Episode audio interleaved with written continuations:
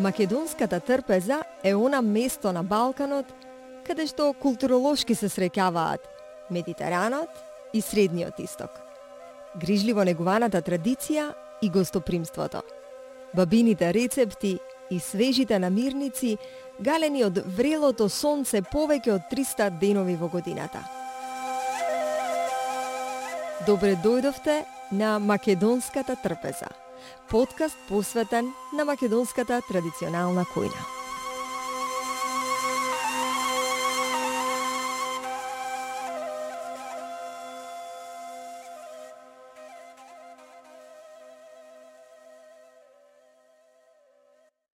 Семињата од старите македонски автохтони растителни сорти не се нешто што може да се купи на пазар. Тие се драгоценост што преживеала со илјадници години – и народот ги пренесувал од генерација на генерација како мало семејно богатство.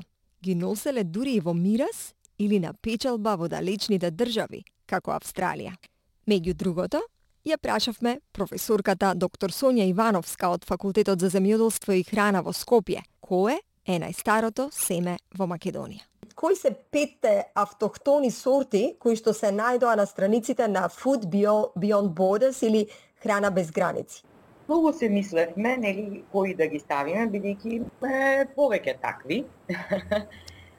Започнавме прво со зрновскиот прас, потоа прем сега за е, растителните сорти прво, со везената пиперка, етовскиот град, бидејќи сепак се тие така некако попознати.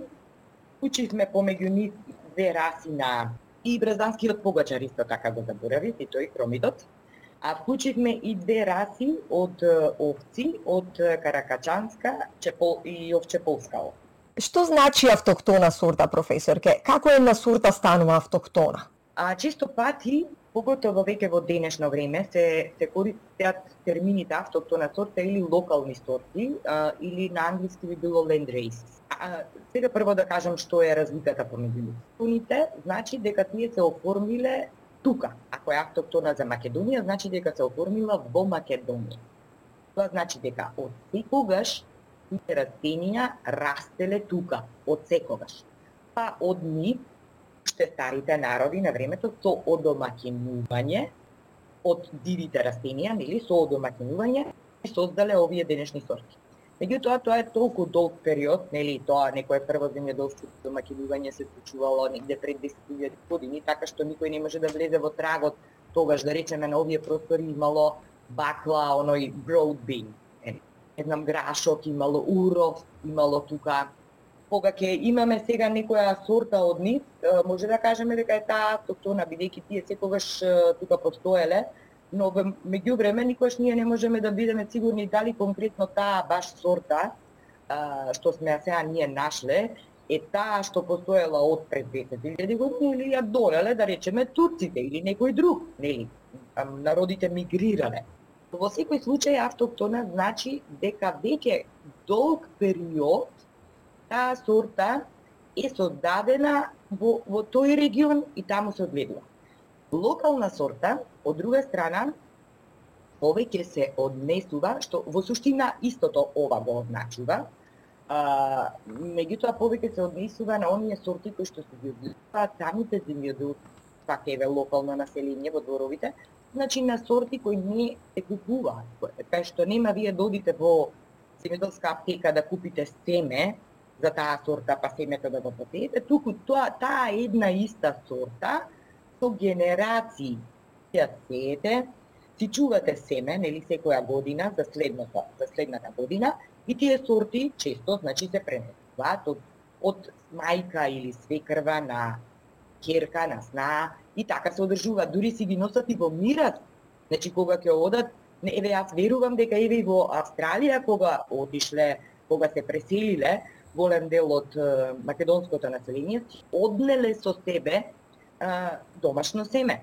Дури и да не си однеле, еве како сега доаѓа трендот, а, они имаат некој познат во Македонија па ке замолат, е, дајте ми од тоа семе, домашното семе, или така со общ збор да го кажеме, домашно семе.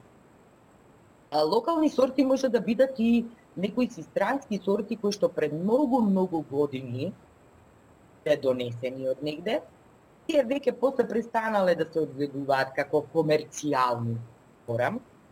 Веќе нема кај да ги купите низ во аптека.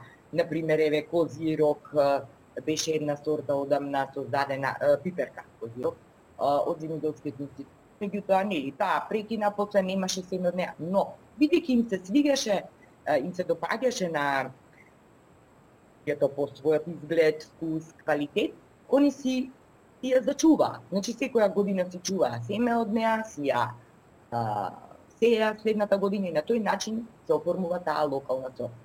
Значи, од аспект на, на чувањето на семето, тоа е тоа е сличниот момент помеѓу автохтоните и локалните, дека тоа се сорти кои што со години, негде и со векови, чуваат локалните жители во тој одреден регион и на тој начин они во тие чни услови си ги оформуваат своите особини. Тоа практично се разликуваат од комерцијалните сорти. Реалните оние што ги продаваат селекцијските компании. Така, како што рековте во земјоделска аптека. А, љубопитна сум да дознам како како научници ја откривате генезата на семето. Конкретно за некои од семињата за кои сортите за кои што ќе поразговараме, се се кажува дека се постари од 100 години или како точно се доаѓа до до до, до таа пресметка или проценка? Колку е старо едно семе? Тоа е малку тешко. Тука мора да играме на на доверба А, значи, ние на факултетот за науки и храна во 2014 година решивме да почнеме да создаваме колекција од стари семе од стари сорти. Значи нема, освен да се тргне на терен, нели? Значи, така. одевме по многу села, разговаравме со многу жители. Не секогаш е успешно, нели? Некогаш ќе ќе влеземе во селото, па нема да најдеме никој таму, има и мали напуштени села. Некои села функционираат само летно време, кај што ствари имат градини, па тогаш доаѓаат. меѓутоа успеавме, со многу труд, поминавме сигурно преку 300 села и најдовме доста такви стари. Негде, например, машките ни се смеа, ни вика, ма какво старо семе тоа не постои више, што сте дошле да барате? ама жените, нивните жени ни покажува со прст да дојдеме, ни даваа знак и ни вадеа обично во во кеси или во тепси чуваат така по кути, зависи старо семе, па внатре многу многу многу кесички од различни култури. Они на пример еве од домат, од пиперка, од град, се чуваат по неколку сорти. И така по неколку се ги одгледуваат, значи сакаат да имаат и шарен граф и бел граф. а, домат си чуваат обично јабучар, тој што име за свежо користење за салата. Чуваат и а, еден помал по топчет за индустријска преработка, за да прават салца, бидејќи тој да речеме има поголема содржина сува на сува маса. Так. Значи чуваат различни сорти, сето тоа ни го извадија и сега. Следно е разговор. Прво треба да стекнат доверба, нормално. Прво треба да се представиме кои сме, што сме, зашто го правиме тоа, за да може они искрено да одговараат и да кажат. И да, кажуваат, значи, дали тоа е наследено од мајка, од, од баба, па или е некогаш разменето. Го зема од тој и тој комшија, ама тој и тој го чува од тогаш и тогаш. Значи, они најчесто го знаат потеклото, нели, на семето. Так. На тој начин, вие ќе влезете во трак, ама само преку разговор, Тоа е значи нешто што вие научно не можете да го докажете. Дека е тоа така. Е сега, Ово би било таа цела колекција ние што сме ја собрале. Да речеме, еве сме собрале многу сорти јабучар. Сега тие би требало да се стават во еден експериментален опит, аде што ќе ги посееме, па ќе ги карактеризираме, ќе ги опишуваме својствата, ќе ги наблюдуваме со многу мерење, тоа е многу обемна работа. Затоа што од секоја сорта не може само по едно растение, треба да ставите минимум 10 или 30 растенија, а ние имаме многу сорти од дома. Така, тоа е цел процес. Да, се, да. Така, да се стават во еден споредбен опит, ние тоа го викаме, па дури различните сорти помеѓу себе, убаво да се опише точно тогаш како личи ја бучарот, како личи тоа, па различни е бучари, дали има, дали нема, дали се уствари сите исти, па да се направи тука после тоа и една анализа, да речеме, на нутритивен состав, бидејќи тие може да изгледаат прилично слично, а да се разликуваат според те материи. И на крај, дефинитивно, како најточна анализа, да речеме, од аспект за да се најдат разликите помеѓу нив, е молекуларната анализа на ниво на ДНК. Значи да се анализира нивната ДНК, си има посебни маркери, нели, со кои тоа се прави, и вие на тој начин ќе утврдите колку тие се слични или различни.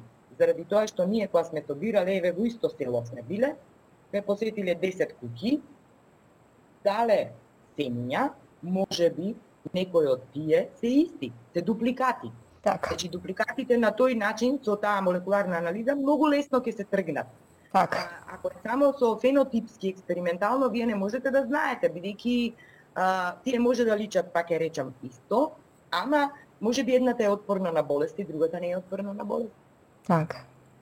Тоа е веќе друго нешто. Кој е најстарото семе на кое што сте наишле? Колку е, колку е старо најстарото семе од Македонија?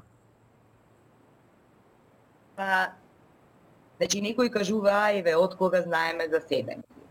Идовме кога баравме една бабичка во едно село, и извади, пошто памукот кај нас порано се одгледувал. 60-тите години негде од прилика се одгледувал. А тој одамна не се одгледува и нормално никој не ни чува семе од него. Слична судбина, да кажем, имаат речиси сите конопот исто така, ма коноп како влакнодајна култура, нели? Тоа се разликуваат од овие сегашните што се за канабис, за, за лекови мел, коноп, тренот исто така многу повеќе од колку сега, сега многу, на многу мали површини, сусам исто. Тоа време тие се одведувале на големи површини и биле значајни култури. Прво прашувавме за тие култури, бидејќи кај афионот, например, еве и тој се губи, а тој имал најдобар квалитет во светот по однос на содржината на опиум, морфин, и тие хемикали заради кои што се одвидува. И како прашувавме имате ли, во едно село многу беше срекна бабичката да ни извади една цела вреќа со памуково сено. Значи, колку сега тоа вреди, рачунајте, она рече дека 50 години го чуваат во подно. Wow. Но не го фрлила, не го фрлила, замислете, значи, она била свесна колку тоа вреди. А, тие постарите генерации а, се многу повеќе свесни дека семето вреди нешто многу, отколку во вие сегашните генерации. Знаете како? Се предпоставува дека првите војни кои што се воделе во светот, се воделе заради генетските ресурси, за да се соберат ете тие такви различни растенија, различни сорти, раси од животни, при во тоа време кога имало некои такви ген банки кај што се чувале, па тие ги краделе од нив поголемо значење тие генетски ресурси имаат, да речам, за побогатите земји, за постарите генерации, отколку за младите. Кај младите, сега, допрва треба да се трудиме да, да им кажеме зошто е тоа важно и колку е значено. Така. Да, да стекнат печетот кога да го чуваат. Во една куќа друга исто, како прашавме за Афион, човекот ми рече, у да, сеевме многу порано, меѓутоа, еве, ние сега веќе 15 години не го сееме. Абе, ни извади од подрум цела тегла со семе од афија. Он си го чува. Ама, нели, сега, кај тие а, маслодајните култури, а, малце е покус рокот временски, колку може да го чувате. Тоа без да го обновите, нели? И посеавме ние тогаш од, од, та, од тој афион, од сите тие семчиња нели успеавме да добиеме една чушка афион со семе. Така да сега тоа треба да се размножува, меѓутоа ние тоа не го направивме. Ние немаме пари, ние со собствени средства одевме во тие 300 на наш трошок, на наше време, собиравме, замислете сега кога ќе отидете во едно семе и кога ќе добиете 200, 300, 500 кесички, негде, зависи што сме нашле. Вечерта кога ќе дојдете светоа треба да се среди, да се спакува, да се внесе во компјутер. Значи, тоа е само дел процесот собирањето.